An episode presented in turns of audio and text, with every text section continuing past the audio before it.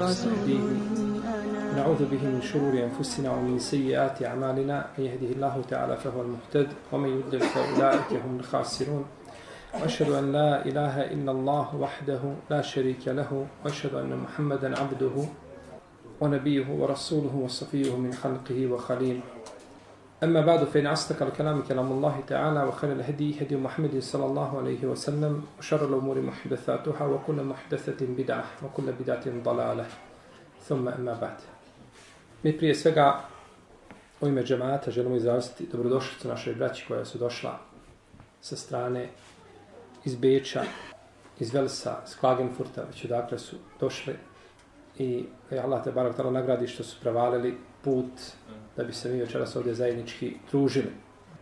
Zaista poslanstvo nosi sa sobom svjetlo. Poslanstvo nosi svjetlo koje je prepoznatljivo. I stoga čovjek koji kaže da je poslanik, on je jedan od dvojice ljudi. On je ili naj, najlažljivije biće, najveći lažov, ili je zaista poslanik, ne može biti treći. I svaki od njih dvojice ima sa sobom argumente koji ukazuju šta je on. Pa poslanik ima argumente koji ne ostavljaju u čovjekovoj duši nimalo sumnje da je on u istinu poslanik. A tako lažov sa sobom ima nekakve argumente koji su jaki poput paukove mreže. Dok ih pogledaš vidiš da je šta? Da je to neistina i da ne može biti poslanik znači na ovaj ili onaj način znači da dokaže svoju neistinitost. Pa znači jedan i drugi šta imaju? Argumente. Ma hadis koga bilježi imam bilježi ga imam Ahmed i Tabarani i drugi da je poslanik sallam rekao inne ešedde nasi azaben jevme l'qijameti ređulun katele nebijene u katelehu nebijun. Najžešću kaznu na sudnjem danu će imati čovjek koji ubije poslanika ili koga ubije poslanik. Bilo da on ubije poslanika ili da njega ubije poslanik ima najžešću kaznu. Ako njega ubije poslanik koji je poslan kao milost ljudima, Zaslužuje li takav da živi? Molim? Ne zaslužuje. Kako će zasluživati da živi onaj koga ubije poslanik? Poslan kao milost da ga uputi u džennet i nakon toga poslanik bio prisiljen da ga šta? Ubije. Da vi prolazite putem, ima čovjek u vašem selu koji je poznat po ovaj bogobojaznosti, po dobroti. Znači, niko ne zna o njemu osim dobro. I vidite ga da udara čovjeka. Vi ne biste ništa pitali, nego ste prišli i sa njim šta udarali? Tog isto. Odmah se pridružili i udarali ga. Kažem, dok ga ovaj udara, nema šta pi, treba ga udarati. Jer on, jer u redu, čovjek ga neće udarati, osim zaista kada šta? Zaslužuje. Pa šta mislite onda kada poslanik nekoga ubije? Tako, zaista ne zaslužuje, tako mi je bolje, zemljina utrova je bolja nego njena površina. Tako. Pa je stoga, ovaj hadis je ima, inša Allah ima dobar Hasan, Hasan ovaj, sened da može proći ovaj da su najgori ljudi znači koji dobro ubije poslanika ali živio ja ne znam da je on poslanik. Ne znaš da je poslanik zato što svaki poslanik sa sobom nosi argumente nakon kojih ti nemaš čega. Dokaza U protivnom ne bi braćo bilo ispravno da mu se prijeti čime. Tom ja sam ubio poslanika ali ja nisam bio ubeđen da je on poslanik i nisam znao da je poslanik. Mislio da je lažov ne vrijedi. Jer je poslanik ne dolazi osim čime? Argumentima koji ne ostavljaju u tvojim prsima ni malo prostora za šta? Za, za sumnju. Baš tako. Mi smo u naša prošla četiri predavanja govorili o dokazima poslanstva. Poslanika, sallallahu alaihi wasallame, I ta je tematika velika, budući da su islamski učenjaci pisali zasebna djela i govorili smo da je tome pisao Ibn Bejheqi, da je pisao Ebu Davu, da je pisao Ibn Aim i drugi, da su pisali zasebna znači djela. Čak imam Bejheqi ima svoje djelo dokazi poslanstva koji je štampan u sedam, a u drugoj štampi u devet tomova. Pa ćemo i danas kazati nešto o dokazima poslanstva. Dokazi poslanstva su na naučn, sa naučnog aspekta gledano brojni i o tome nećemo posebno govoriti zato što ste vi imali priliku da čitate i da slušate, znači kako to nauka potvrđuje istinitost riječi poslanika sallallahu alaihi sallam. Dovoljno je da spomenemo hadis koga bilježi ima Mahmed i bilježi ga Ibn Mađe sa ispravnim lancem prenosilaca u kome stoji da je poslanik s.a.v. rekao, a hadis prenosi Abdullah ibn Omar, Ja mašer al muhađirin, hamsu hisalin i da tulitum bihine, a audu billahi en tudrikuhu. Kaže, pet stvari o skupinom muhađira, ako budete sa njima iskušani, a molim Allaha da ih ne dočekate. Prijeti poslanik s.a.v. sa pet velikih iskušenja. Jedno od tih pet iskušenja kaže, poslanik s.a.v.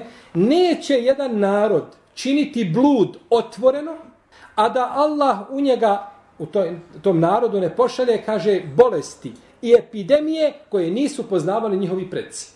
Ovaj hadis, kada bi svako ministarstvo zdravlja stavilo na ulazna vrata ovako napisalo, ne bi pogriješio.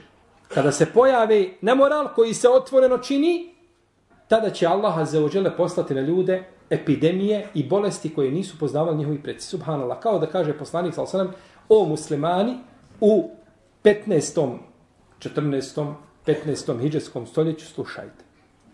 Evo vam definicija, evo ovo vam je, braćo, rentgen analiza, poslaničko-vjerovjesnička dijagnoza ljudi i njihovi izbivanja, znači koja će biti. I pogledajte, znači bolesti koje se pojavljuju nisu i prije ljudi znali, nisu o njima ništa čuli, nego su se pojavile kao takve.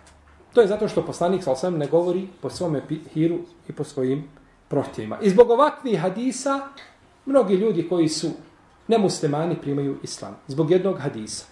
Zbog jednog hadisa prima islam, vidi, a musliman koji je rođen kao musliman, jeli, da ga uvedeš u džamiju, trebaš mu doći sa šleperom hadisa i dokaza kako je poslanik, sam ne bio poslanik. Što se znači izvrnuti kriteriji, znači o svatanju. Hadis, koga bliže i muslim, kaže poslanik, sa osrame, kada pas naloče iz posude nekog od vas, neka opere sedam puta, jedan put sa zemljom.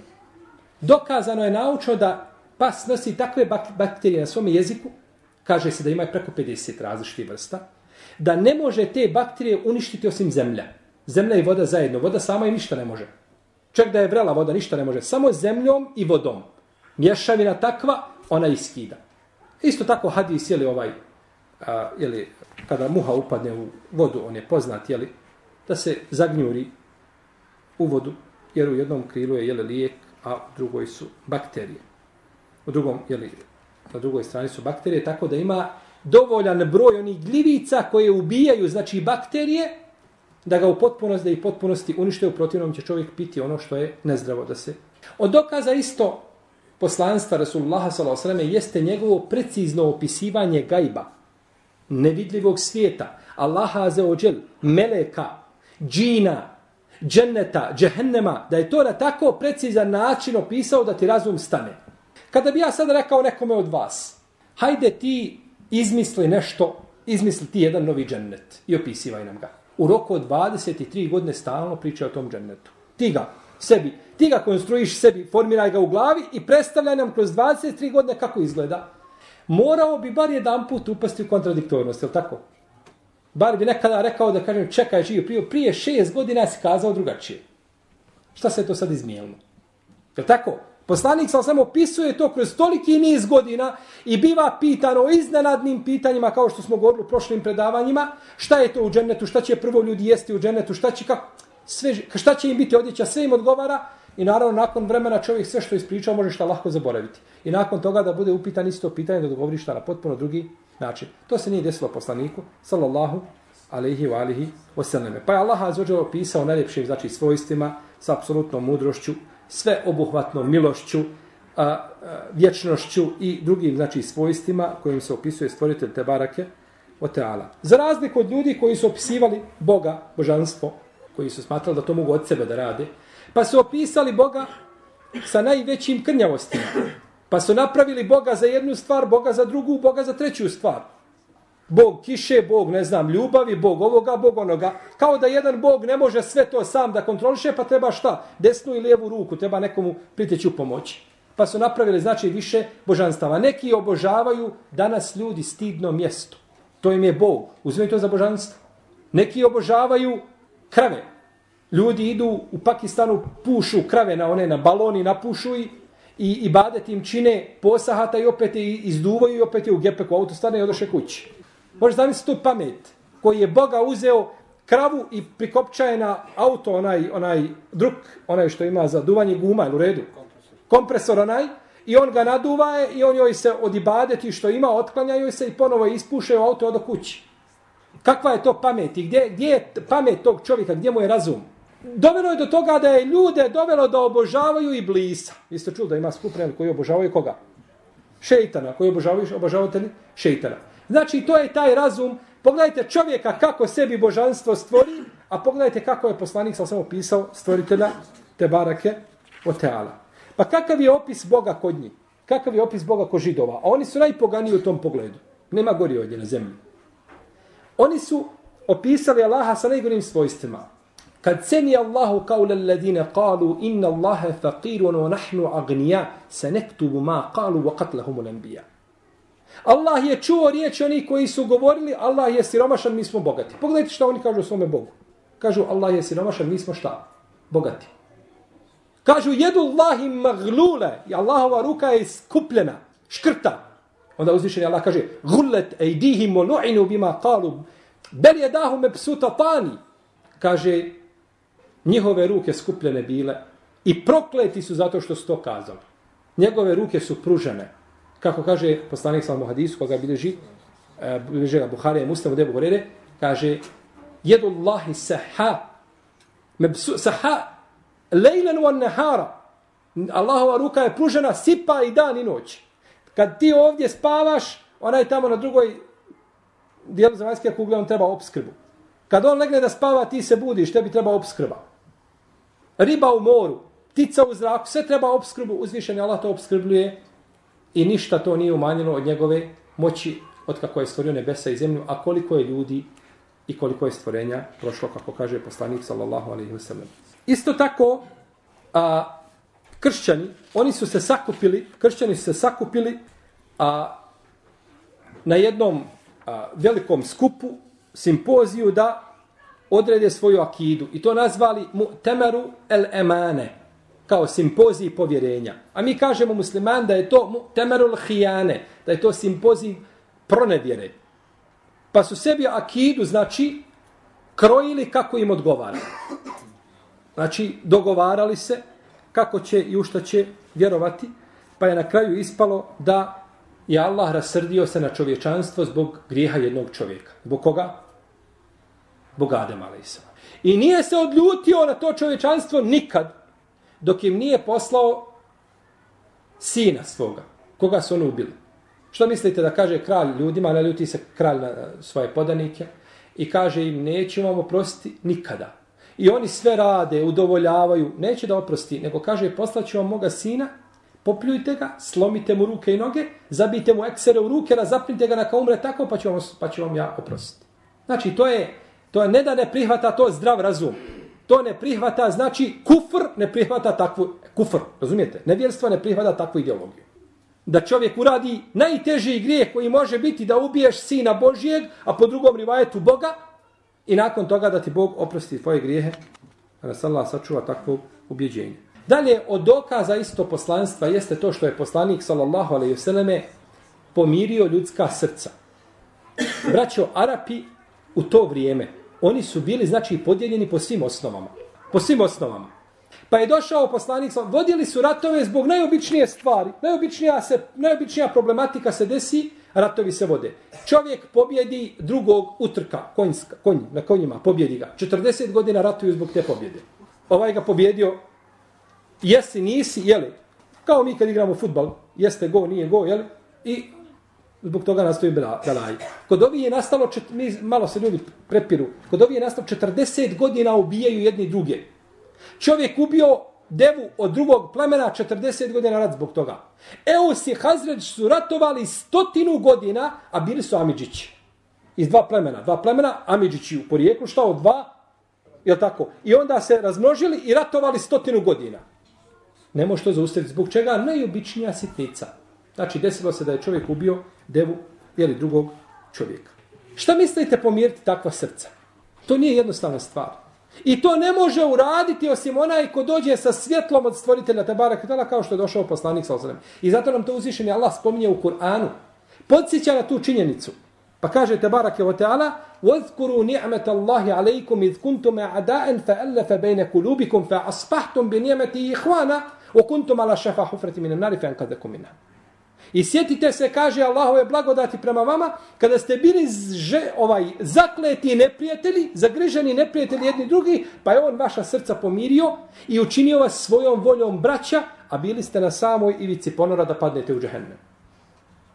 I onda uzvišen je Allah govoreći o, o, te, o, o, o ovaj, problematici tog jeli, pomirenja, kaže Tebarak je o teana, o elefe bejne kulubihim. I on je, kaže, njihova srca pomirio. Lau anfakte ma fil ardi džemi'an ma elefte bejne kulubihim, walakin Allah elefe bejnehum. Innehu azizun hakim. Kaže poslaniku s.a.v. i on je njihova srca pomirio, a da si ti uložio sve što na zemlji ima, ne bi to pomirio. Ne bi, ne, da si sve uložio što blaga ima, ne. Allah je pomirio njihova srca, kaže, on je silan i mudar. Sve što kaže na kraju, ajte, on je silan i mudar. Zato da bi pomirio srca dvojice ljudi koji su žestoki neprijatelji, zakleti do sudnjeg dana, treba zaista šta? I mudrost i, i silnost koju, koja su svojstva stvoritelja te barake od teala. Dalje, od dokaza njegovog poslanstva jeste to što je čovjek nepismen poučavao ljude. Dolazi čovjek nepismen, koji nikada harpa svojom rukom napisao nije i poučava ljude znanju.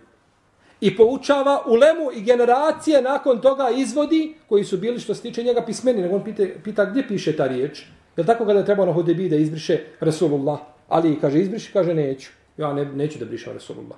Kaže gdje piše, pokaži mi. Ne zna poslanik sa gdje piše. Kaže ova riječ, pa je uzeo poslanik sa pa je precrto. A on ne zna gdje piše Rasulullah, a on poslanik. I takav čovjek do koji nikad knjige otvorio nije, dolazi i poučava, znači, poučava ljude i izvodi, znači, generacije ovaj ljudi, jeli, i uleme.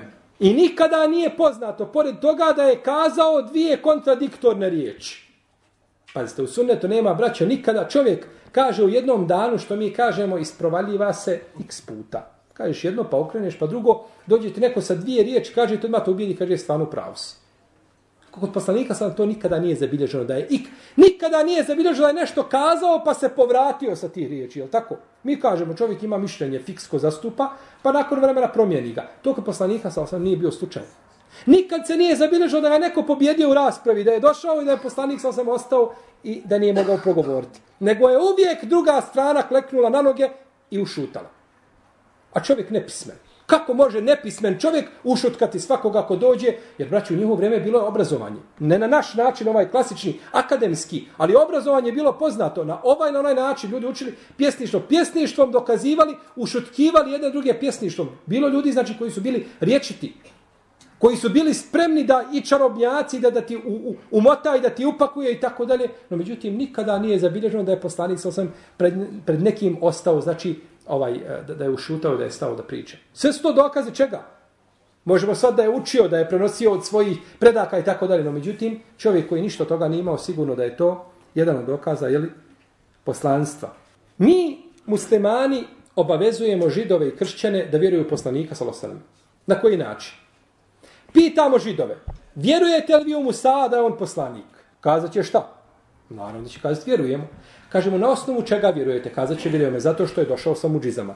I zato što je imao najljepši ahlak. I zato što je bio pošten. I zato što je širio pravdu po zemlji. I zato što je došao šarije, šarijetom koji je uspostavio, znači, među ljudima mir. I zato što nije tražio nikakvu ličnu korist. Kažemo, to sve što ste nabrali, to je pri Muhammedu. Iste te stvari koje ste nabrojali. I na osnovu čega ste povjerovali da je Musa šta? Poslanik, to isto je pri poslaniku sa Muhammedu. Dalje, nemaju. Pitaćemo kršćane, Vjerujete li u Musa? Je tako? U Musa, ne u Isa. Nećemo u Isa, jer on Isa smatruju Bogom. Vjerujete li u Musa da je Musa poslanik? Kazat će šta? Vjerujemo. Pitaćemo kako znate da je poslanik? Ako kažu ovo što su kazali židovi, došao je sa, sa, sa, sa, kažemo isto je poslanik Muhammed sa dosto isto, ne samo istim, nego puno većim nego time što je došao Musa, ali islam. Puno većim dokazim. Ako kažu, vjerujemo zato što nam je potvrdio Isa da je šta, Musa bio poslanik. Onda im mi kažemo, vi onda smatrate svakoga ko je u vremenu Musa, ale i selam, činio kufur da je ispravno postupio. Jer u tom vremenu nije bilo Isa šta da obavijesti ljude da je Musa ko? Jel razumijete? Ako kažete mi vremenu zato što je se Isa obavijestio, kažemo Isa je došao nakon Musa toliko, u tom periodu koji god kufr činio Musa, on je na ispravnom bio, jer nije bilo Isa da potvrdi. On to ne mogu kazati. I tako da znači prisiljeni jedni drugi da potvrde ispravnost ovaj je li istinitost našeg poslanika sallallahu alejhi ve alihi ve ovaj pa nije stvar stvari onako kako kaže uzvišeni Allah te bareke ve taala wa tarahum yanzuruna ilayka wa hum la yubsirun i vidiš i oni gledaju u tebe ali ne vide u šta gledaju Gledaju dokaze, ne gledaju poslanika kao ličnost. vide njegove dokaze, ali ih ne vide. Neće znači da ih, da ih vide. Dalje od dokaza poslanstva Resulullaha sallallahu alaihi wasallam jeste to što se uzvišeni Allah te barak htjela odazivao njegovoj dovi. I to je jedan od jakih argumenata i dokaza njegovog, jeli, sallallahu alaihi wasallam, poslanstva. Jer da se Allah odaziva čovjeku kad god digne svoje ruke i kad god zamoli čovjeku koji je lažo, to je nemoguće. Mi smo vjernici, šalah tela, tako muslimani, smatramo se vjernicima. Molim Allah da budemo tako. Kada bi sada tebi neko rekao digni ruke i dovi Allah. Koliko puta svako od nas dovi i kaže nije me Allah uslišao. Iako to nije dozvoljeno šta da ne smije čovjek doviti i kazati nije me Allah uslišao. Ne. Ovaj, ne zna, jer uzvišen je Allah prima tvoju dovu, kako god da bila. Možda ti je o tome što tražiš u istoj ti mjeri od tebe odstranio zla u toj mjeri ili ti je ostavio za sudnji dan, dobio si. Ali ono da ti vidiš očima nije uvijek, je li tako? Nije uvijek da ti vidiš očima. Poslanik sa kada je god dovio, nikad nije zabilježeno da je, znači ovaj, ostao, znači da mu je ta doba bila, je li, uskraćena. Pa je poslanik sa osaname dovio i Allah mu azzawajal uslišavao, što znači da nije bio šta lažov. Femen azlamu mimmen iftar ala Allahi keziben, evo, kezebe bi ajati, innehu la yuflihu al muđrimun. A ko je veći nepravednik od onoga koji laž na Allaha iznosi, laži govori, poseže za lažima na Allaha i nakon toga, kaže uzvišeni, neće uspjeti oni koji su zločinci, nepravedni. Jedne prilike, kaže Enes ibn Malik, bio je poslanik sa osvrame na Mimberi. Pa je došao pustinjak i kaže Allahu poslaniće, suša je sve uništila. Dovi kaže Allahu da ha, propade i usjevi i stoka umire i ljudi se pate. Dovi Allahu kaže da nam dadne kišu. Kaže Enes, na nebu nema nema ni sehaba ni kaza. Sehab je oblak, a kaza je dio, oblak, dio oblaka koji se odvojio i ide sam, mali oblačić. Nema, kaže ništa, nebo znači čisto. Ko je bio na hađu, vidio je kako izgleda nebo u Saudijskoj Arabiji. Znači, od jednog do drugog horizonta nigdje oblačića nema. Kaže Enes, tako mi Allaha nije spustio ruke, kaže, a da iz njegovog lice, kaže, njegovu bradu nije curla kiša. Možete zamisliti, postali na Mimberu, dovi, nema nigdje, kad pogledate tamo horizont, ne znam koliko vidite, 50 km, nema nigdje oblaka. Odakle da je oblak se stvori. I da je od tuda došao, od nekle, koliko mu treba da dođe? Do, do, do jacije da je ostao tu da dovi, ne može doći tako lako. Kaže, nije spustio ruke, kaže, kiša je već, kaže, curila iz njegovu bradu, sallallahu ala resulillah. Pa je padala dan, dva, tri, sedam dana pada. Naredne, džume opet poslani sa ovim ber, isti pustijak dolazi, kaže ja, o Muhammede, kaže, dovi Allahu da prestane, uništi nam sve kiša. Pa je poslanik sam digao ruke i rekao šta, kaže, Allahume havalejna la alejna. Kaže, gospodar naš, oko nas, ne na nas. Oko nas, ne na nas. Kaže, Enes pa se stvorilo, kaže, iznad Medine ovako krug. Vidi se nebo sa strane oblaci pada kiša, a iznad nas ovako krug gore. Kao rupa kakva je u redu, prema nebu. I tu ne pada kiša, a svukuda okolo pada, kaže, mjesec dana je curio potok. Kaže, i ko je god dolazio, kaže, govorio je šta je vidio uz put, kako je rodilo sve i kako je... Vi niste, braćo, možda imali priliku da gledate u arapskom svijetu kada kiša padne. Na primjer, kilogram, ne znam, paradajza bude euro. Kada kiša padne, pada dva dana, kilogram paradajza na pijac možete kupiti 4 kg za euro. Odmah su cijene, znači, otišle dole. Bereket, rađa sve. Mi nemamo ti problema, pa ne osjetimo te blagodati. Kako to izgleda kad nema kiše po 9 mjeseci? Nemamo ti problema, za nas je kiša, samo nas ovaj uznemirava nas. A kod njih je to stvar kada je kiša, ljudi iziđu i hodaju po kiši. Kad ide neko da nose kišobran, to je kod njih najveća se za, smi, svi se smiju. Kaže, kišobran nosiš, to ne kako da ti možeš nositi kišobran. Pa kiša pada po ti. Pa kaže, to hoću da pada po meni živio. Hoću da pada po meni kiša, Allaho, milosti, blagodati. No, međutim, jeli, kod nas, čovjek kada ima blagodati na, na odmetu, onda, onda ne, zna njihovu, ne zna njihovu vrijednost. Pa je tako, znači, uslišana dova poslanika. Pogledajte, počinje kiša dovom i prestaje kiša dovom. I to sve dolazi na rukama čovjeka lažova. To znači razum čovjeko ne može nikako znači prihvatiti takvu, takvu stvar, osim da to bude jeli, od poslanika i da to bude dokaz njegovog jeli, poslanstva. Dalje, dova poslanika, sa osanem, mi ćemo ovom dovom, ovim dovama, odnosno slušanjem dova ćemo završiti, inša Allah, predavanje, spomenut ćemo nekoliko primjera, znači, kako je to uzvišen, Allah te barak tala uslišavao dove poslaniku, sallallahu sallam. Dova njegovom slugi Enesu, radijallahu ta'ala, anhu, kaže da, da živi dugo, dugo čini, pa je živio preko stotinu godina. Došla je njegova majka, kaže, o Allah poslaniče, ovo je Uneis. Od milja ga zove Enes, ali ga zove Uneis. Ovaj, kaže, dovela sam da te služi. Kaže, pa mi je stavila, uzela svoj himar, to je pokrivač glave, prepolovila ga, mahramu svoju, stavila mi jedan dio gore, a drugim dio me opasala dole oko stomaka. I tako me dovela, kaže, evo ti ga, kaže, nek te služi. Pa je poslanik, sam sam rekao, kaže, Allahume ekstir manehu valede. Kaže, gospodaru moj, povećaj njegov imetak i njegovo potomstvo. Pa kaže Enes, kaže Enes, kako bliže Buharije muslim.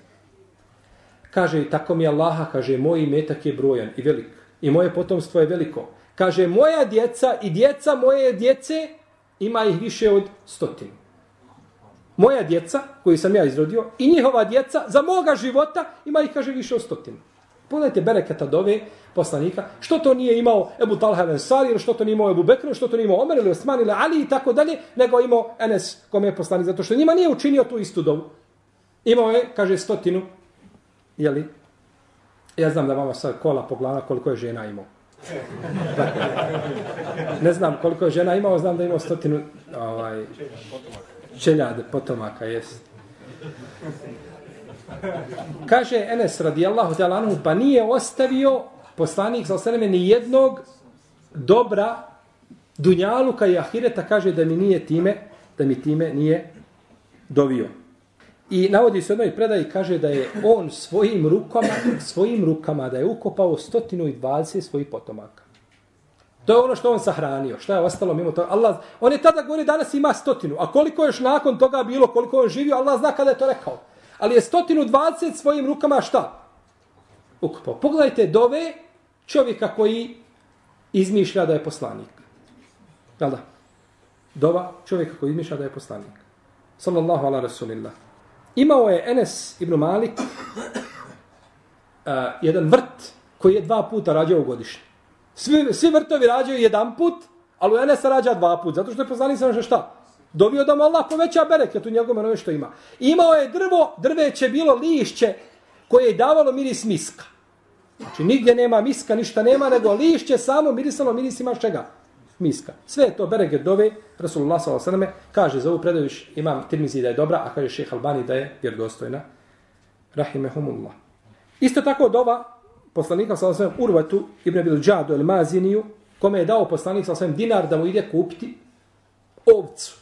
Pa je otišao i kupio za dinar dvije. I vraćao se usput i proda jednu za dinar. I tako vrati poslanik sam i dinar i ovcu. Pa je poslanik rekao, kaže, učinimo mu dovu pa kaže, Allahume barik lehu fi safkati jemini. Fi safkati jemini. Allahu dragi kaže, učini bereket u njegovoj trgovini.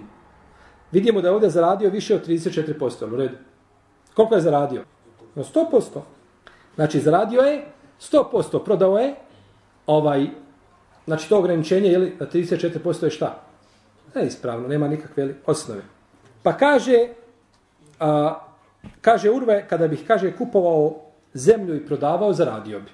Šta god da uzmem mušaku i da prodajem, zarađujem.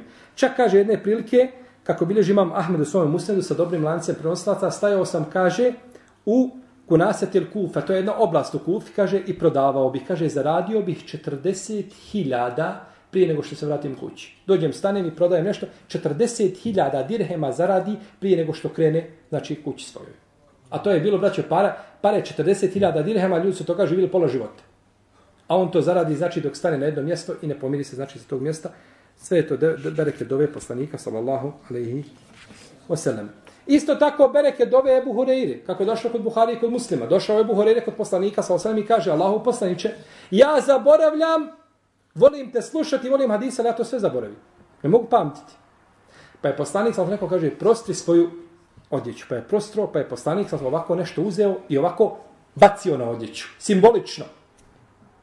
Neka ulema kaže to je ilm koga je poslanik sa sam bacio, Ebu Horeidu. Allahu alem šta je? Bacio nešto simbolično, kaže sad to uzmi, kaže i prigrabi na sebe tu odjeću. Pa je uzeo, kaže pa nisam nikada, nikad ništa više zaboravio što sam čuo. Pazite, braćo, zaborav, je li to sastavno svojstvo čovjeka ili je odvojeno od njega? Je li osnova da čovjek zaboravlja i da ne zaboravlja? Da zaboravlja, naravno. Osno, može čovjek, braćo, kroz vrijeme da ojača svoj hifs i pamćenje. Je li tako? Da, vidjeli ste ko je učio Kur'an na pamet. Naučiš stranicu, pa malo je ne ponavljaš, pa zaboraviš pa jednu suru, pa izazov zileti lard, i ako nisi učio je mm, 15 dana, odmah već zapinješ, jel tako? Ako, šta, i čovjek uči, vježba, vježba i nakon 5, 6, 10 godina osti se šta da bolje pamti. To može povremeno. Ali da u istom momentu zaboravlja i kaže nikad ništa više nisam zaboravio, to ne može osim čime. Osim Allahom za ođel odredbom njegovom milošću, znači i berekatom dove poslanika, sallallahu alaihi wasallam. Pa sto dokazi, znači poslan... isto tako njegova majka, sjećate kako njegova majka bila nevjernica od Ebu Horeire, pa je poslanik sam dobio, ona je izvrijeđala poslanika, sa sam Ebu Horeire došao plaćujući poslaniku, sa sam kaže, Allah poslaniče, majka te izvrijeđala, dobio pa je digao ruke, kaže, Allahume ihdi umme Ebi Horeire. Kaže, Allahu dragi uputi majko Ebu Horeire. Pa se vratio kući, onako ide tužan, sav jedan, jeli, majka neće da vjeruje, vrijeđa poslanika. So. Kada je došao kući, kaže, čujem šum vode u kući, kuca majke, otvori, kaže, čekaj. Kaže, pa sam sačekao, izišla, kaže, otvorila, a mahrama na njenoj glavi, hijab i već izgovara šehadet. U istom momentu, od, znači isti dok je digao ruke, vraća se majka, izvrijeđala poslanika, Ebu Horeire odlazi, ona sva posebi ljuta, vraća se kuća, ona primila islam. Kako je, kojim putem, kojim načinom? A hadisi kod toga, jeli, došli kod muslima u sahihu i nema, znači, ovaj, i kod Buharije, tako da nema mjesta nikakvoj sumnji šubi, to je, znači, konsensus, znači, umeta da sto vjerodostojni hadisi. I kaže Abu Hurere, vratio se Allahu poslanik kaže, dovi mi da me vole vjernici. Da učine mene i moju majku drage vjer, vjerni, vjernicima. A nije rekao babu, zato što on babu nije preselio kao musliman. Pa je dovio. I pogledajte, mi danas ne znamo Ebu Hureyru. Mnogi od nas ne znamo ni kako ime Ebu Hureyru, Niti pomislamo da ima kako ima osim Ebu Hureyru. Nadimak. No međutim, svako ko čuje Ebu Horeiru i prenosi hadis Ebu Horeire, odmah ostine kako. Jer tisto kada se kaže prenosi hadis, ne znam, Sehl ibn al-Hanzale, ili prenosi hadis eh, neko drugi od ashaba, ili kaže Ebu Horeire. Dok je Ebu Horeire, odmah ti, odmah nekakav rahat dok te snađe, tako? Zato što je poslanik sam dovio za Ebu Horeiru, a nije dovio za druge na taj način. Pa je to bereke dove Rasulullaha sallallahu alaihi wa alihi wa sallam. I zato ga svi ljudi vole, a oni koji kažu da je Ebu Hurere izmišljena ličnost, da on nije nikako postojao, vjerovatno da nisu sastavni dio ummeta. Isto tako, Abdullah ibn Abbas, poslanik je sa njemu činio dovu, kaže Allahume faqihu fi dinu alimhu ta'wil, pouči ga po vjeri tumačenju Kur'ana, pa je bio Ibn Abbas od najučenija sahaba u tumačenju Kur'ana, tako čak da ga je Omar radijallahu ta'ala uvodio, znači kod, kod velikih ashaba, znači da tumači Kur'an pred njima, iako, je, iako su imali djecu veću od Ibn Abbasa. Kaže Ibn Mesaud, kaže da je Ibn Abbas, da je, do, da je naših godina, kaže niko sa njim ne bi mogao sjediti. Koliko je znači znanja imao Ibn Abbas, a bio je u stvari dječak, ostao je 13 godina kada je poslanik za sam preselio. No međutim, slovi kao sigurno jedan od najučenija saba kada je u pitanju tumačenje Kur'ana. Kada je poslanik s.a.v. vidio, braćo, kada je došao u Medinu i vidio da Kurešije ustrajavaju u svome kufru i nevjerstvu i ne, ne žele da prihvate davu, rekao je, kaže, Allahu dragi, kazni ih, kaže, sušnim godinama kao godine Jusfa. Sa sedam sušnih godina kao godine Jusfa. Pa je od tog momenta počeli belaji. Jeli su kožu od, od, od, od e, strvine. Jeli strvinu. Znači, ovaj, jeli lišće, ništa nema. Znači, kao u vremenu, u vremenu Jusufa, ali islam. Pa je došao Ebu Sufjan, kaže Muhammede, ti pozivaš da se Allah obožava. I ti pozivaš na spanje rodbinskih veza. I ti pozivaš na dobročinstvo. Dovi kaže Muhammede da, da se ovim ljudima otkloni njihova nedaća. Pa je poslanik digao ruke i dovio i kaže Allahume, Allahume i ja'udu fa'ud. Allahu dragi, ako se oni vrate, kaže i ti ponovo kazni ih time što je bilo. I ovaj hadis ima vjerodostojan lanac prenostaca po uvjetima Buharije i muslima. Jel? Potom je poslanik sa svem poučio Tartaqi bi yawma ta'ti bi duhanim mubin jagša nas hada azabu alim. Kaže, zato sačekaj dan kada će se na nebu vidljivi dim pojaviti. Innakum aidun yawma nabtishu al-batshata l-kubra inna muntaqimun. Vi ćete se sigurno vratiti, a na dan kada vas a, žestoko kaznimo, kažu neki da je to dan bedra kada su bili, kada su bili kažnjeni. fa innahum la yukazzibunaka walakinna zalimin bi ayati Allahi yajhadun. Oni tebe ne ulaž, ne ugnete ulaž, nego poriču nepravednici Allahove ajete. Utejbe ibn Ebi Leheb je sin čiji? Ebu Leheb. On se stalno, znači, ismijavao sa poslanikom, sallallahu alaihi wasallame, i Kur'anom. Pa je propisan, pa je ovaj zapisano mu da bude u društvu svojih roditelja, je li tako? Tebet jedaj bi lehebin, omratu hammalat al hatab, jedno i drugo u džahennem, je li tako? Pa je on zapisan da bude nesretnik sa njima. Pa je poslanik, sal sam rekao, digao ruke, kaže, Allahume sellit alejhi kelben min kilabik. Kaže, Allahu dragi, pošalji na njega jednog od svojih pasa. Htio Allah, hoće poslanik, sam sam dovi protiv njega da umre zubima zvijeri. Pa su krenuli jedne prilike na put u Šam, pa su došli na jedno mjesto i odcijeli, kaže on, ja se bojim dove Muhammedove. Pa su naredali oko njega stvari, znači napravili mu bunker sa stvarima, da on bude tu unutra, da mu se, pa je došao lav, preskočio sve to i uhvatio ga i izvukao i odnio. I znači, a, ova predaja, kaže imam Hakib i Zehebi da je vjerodostojna, a kaže Ibn Hajar da je dobra autentična predaja ispravna bez imalo sumnje, da neko ne bi pomislio da su to priče nekakve. To su islamski autoriteti okarakterisali kao prihvatljivu i ispravnu, znači vjerodostojnu predaju, da je došao lav i uzeo ga. A u predaji kod Ibnu Asakira u njegovoj povijesti se navodi da je Ebu Leheb rekao, kaže, znao sam da ne može pobići dovi Muhammedovoj. Babo njegov. Kad, kad je to čuo, kad je čuo šta je bilo da ga je lav odnio, kad je znao sam šta će biti. Dok je Muhammed dobio protiv njega, kad je znao sam da se ne može izvući nikako i da mora biti ono što je Muhammed dobio. Sallallahu ala rasulillah. Isto tako Busr Lešće'i, čovjek koji je sjedio pored poslanika, sa je jeo lijevom rukom, kaže jedi desnom, kaže, ne stati, ne stati, ne mogu. A nije, kaže ga, ništa spriječao nego kibur, oholost. Pa mu kaže poslanik, lemestatat. I ne mogao, pa je nikad više svoju desnicu nije mogao dići. Odmah se saparalizirao. U, u momentu, u momentu, znači ne mogu, ne mogao i završeno. I kada mi imamo takve dove, kada ti neko uzme prednost, jel tako, autom kad pređe ispred tebe. Da samo jednom prodoviš, jel tako? Poslanik, sallallahu alaihi sallame, je znači ovim dokazao, nije ostavio, znači nikakvu šta, mogućnost da čovjek braća sumnja.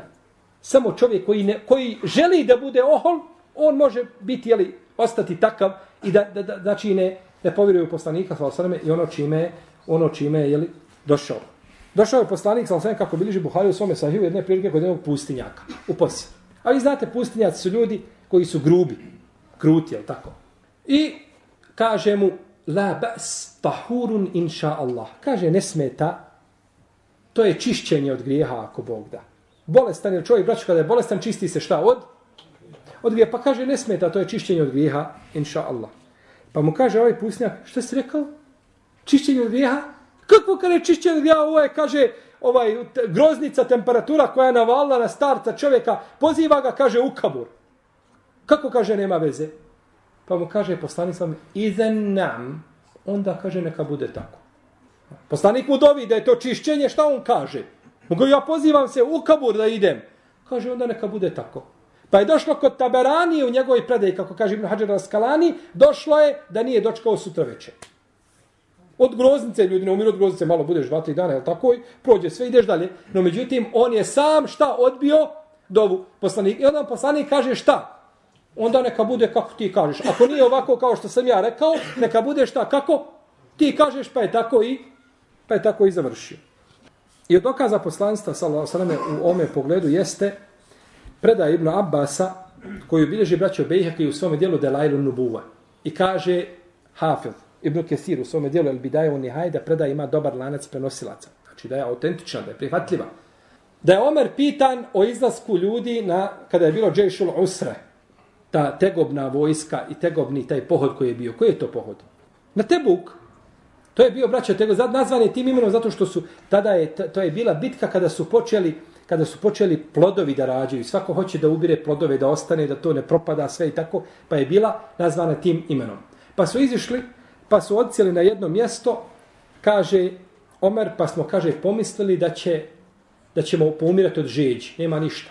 Čovjek bi zaklao svoju devu i cijedio iz njene unutrine što nađe i iz on, onoga, znači izmeta i svega što ima, cijedio bi vodu i to pio, šta ima. Samo da ne umru, gotovo. Kaže, čovjek gleda u nebo i vidi dim po nebu od žeđi. Pričinjava mu se da je šta dim po nebu od žeđa, nema ništa. Ko što kaže o ashabi, kaže, ponekad nismo, oslijepili smo od gladi. Možete misliti, braćo, da je čovjek toliko gladan da ne vidi. Nikako, znači gubi vid od gladi. Oni su tako od žeđi. Kaže, pa je došao i rekao, Ebu Bekr došao poslaniku, sal sam kaže, Allahu poslaniće, kaže, vidi šta je s našom ljude. Dovi Allahu za to. Pa mu kaže poslanik, sa sam a bil ti volio Ebu Bekr da ja dovim? Kaže, bi Allahu poslaniće. Kaže, pa je digao svoje ruke, pa je dovio sallallahu alaihi wasallam. Kaže, nije vratio svoje ruke, nije ispustio prije nego što je kiša pala sa neba. Pa smo, kaže, napunili sve što su imali posuda. I krenuli smo van tog askera, te vojne jedinice koja je tu bila smješta, gdje su bilo odcijeli, kaže sve suho, nigdje više kapi kiše nema. Kao da jedan oblak došao iznad, znači ispustio kišu i nakon toga nestao, ništa više nema. Samo tamo znači gdje je bilo potrebno. To su znači dokazi za znači razumom obdarene da tako nešto ne može raditi osim, osim jeli, poslanik. I dobio je poslanik sa osam Sadu, Ibn Abi Wakasu, kaže Allahu dragi, istađib li Sa'din i da da'ak, kaže gospodar moj, odazovi se Sadu kad, te, kad ti dovi.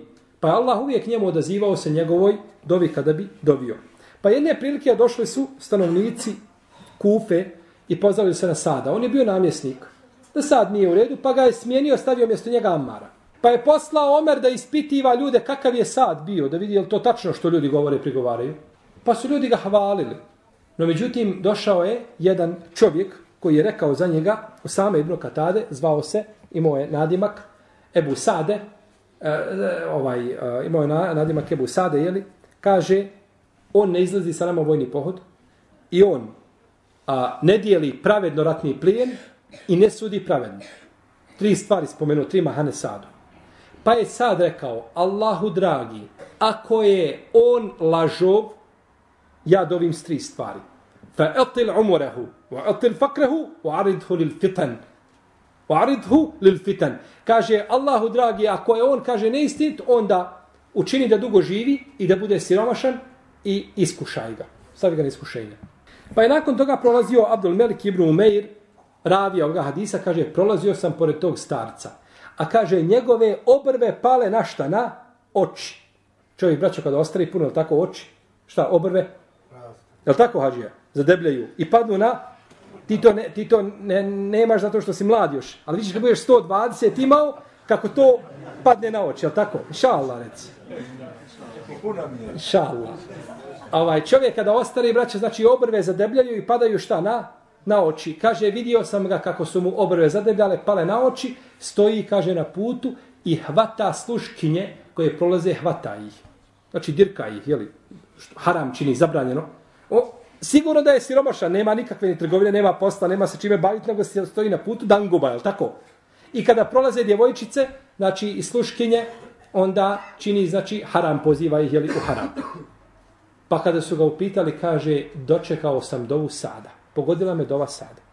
Ovo je dova na dovu, braćo. Ovo je dova, ovo je bereket, ovo je bereket dove koja je produkt dove. Pa šta mislite da kakva je dova? Sama dova poslanika, sallallahu alaihi wasallam. Tako bilježi Buharija u svome sahihu. Tako bilježi Buharija u svome sahihu. Abdurrahman ibn Auf, njemu je poslanik, sa sam dovio, kaže Allahu dragi, Allahume, Allahume, barik lehu, kaže učini ga blagoslavljenim. Pa je Abdurrahman dovio, kaže, čini mi se, kaže, kad bi kamen odigao da bi ispod njega našao i zlato ili srebro. Gdje god da dignem, ima, znači, nešto. Tako je došlo u predaj koja ima vjerodostajan lanac prenosilaca. I kaže se kada je umro, kada je umro 31. ili 32. hijđarske godine, da su ljudi došli braćo i da su sjekirama odvaljivali zlato koje je imao. Da su sve ruke raskrvavili dok su izvedili šta je zlata imao. Što misliti koliko je, koliko je metka iza sebe ostavio? Znači, od bereketa dove šta? Poslanika, sallallahu alaihi wasallam. I tako su brojne dove, ovaj, isto Džerir ibn Abdillah al-Beđeli, on je bio čovjek koji nije mogao jahat na, na, na životinji. Dok uzješe, padne. Valjda nekakva vrtoglavica, šta je epilepsiju, nekako imao, šta je, padne. Ne može, na, ne može kada je, la esputu ala rahina. Nisam čvrst. Pa ga je poslao poslanik sa osaname da uništi jednu kuću koja je bila u Hasamu, valjda je kuća bila fitneta, pa je otišao, kaže Allah poslanik, ja ne mogu jahati, kaže, moćeš, kaže, pa me udario sa rukom, kaže, ovako po prsima, da, se, da sve tragove ostali, kaže, Allahume uthbutho, kaže, gospodaru moj, učini ga da bude čvrst na, na jahalici. Kaže, pa vallahi, nakon toga nikad više nisam pao sa jahalice. Isto znači momenta. I tako, brojne su dove braćo poslanika, sa osvijem koje je uzvišen Allah uzdišavao, želeći time znači da dokaže ljudima šta svoje poslanstvo. A nikada nije zapamćeno da je poslanik sam digao ruke i dovio i dovio i kaže, nema ništa. To nije zapamćeno, nema toga. Znači, dove poslanika sam kojim dovi, da nema drug, da nije imao nikakve druge dokaze, a dokaza, braćo, kazivali smo da imam Neo i govori da ima hiljadu i dvije stotine. Nije jedan, nije dva, nije hiljadu i dvije dostane dokaza iz kojih se može zaključiti, znači, po predajama, a da ne govorimo logički dokazi o kojima smo ih govorili, da je poslanik, salosane, poslanik od Allaha, azzavuđem. Možda će neko upitati, pa dobro, zašto o tome govorimo, mi vjerujemo u poslanika, salosane. Braćo, nije isto vjerovati nasljedno od dede i od nene i vjerovati sa ilmom i znanjem i ubjeđenjem. Jer kada ovo znaš, ne može to niko više pobiti. Nema više te teorije i nema više tog slatkorječitog e, ovaj govora koji može doći i da ti poremeti znači ovaj tvoje ubjeđenje i da ti nakon toga upitaš se pa jeste no međutim otkud znam nisam ja bio tada tu prisutan. Jer je to sve prenešeno znači do nas i dostavljeno pa nam je dužnost to poznavati a čovjek vrijedi kod Allaha zađelo niko koliko zna i koliko praktikuje ono što je naučio. Molim Allaha te barake od tala da nas učvrsti na istini na haku. I da nas spoju društvo sa našim poslanikom, sallallahu alejhi u džennetu, ne zbog naših dijela koja činimo da bi mi to dostigli, nego zbog naše ljubavi prema njemu i prema njegovim ashabima. Allahu ta'ala.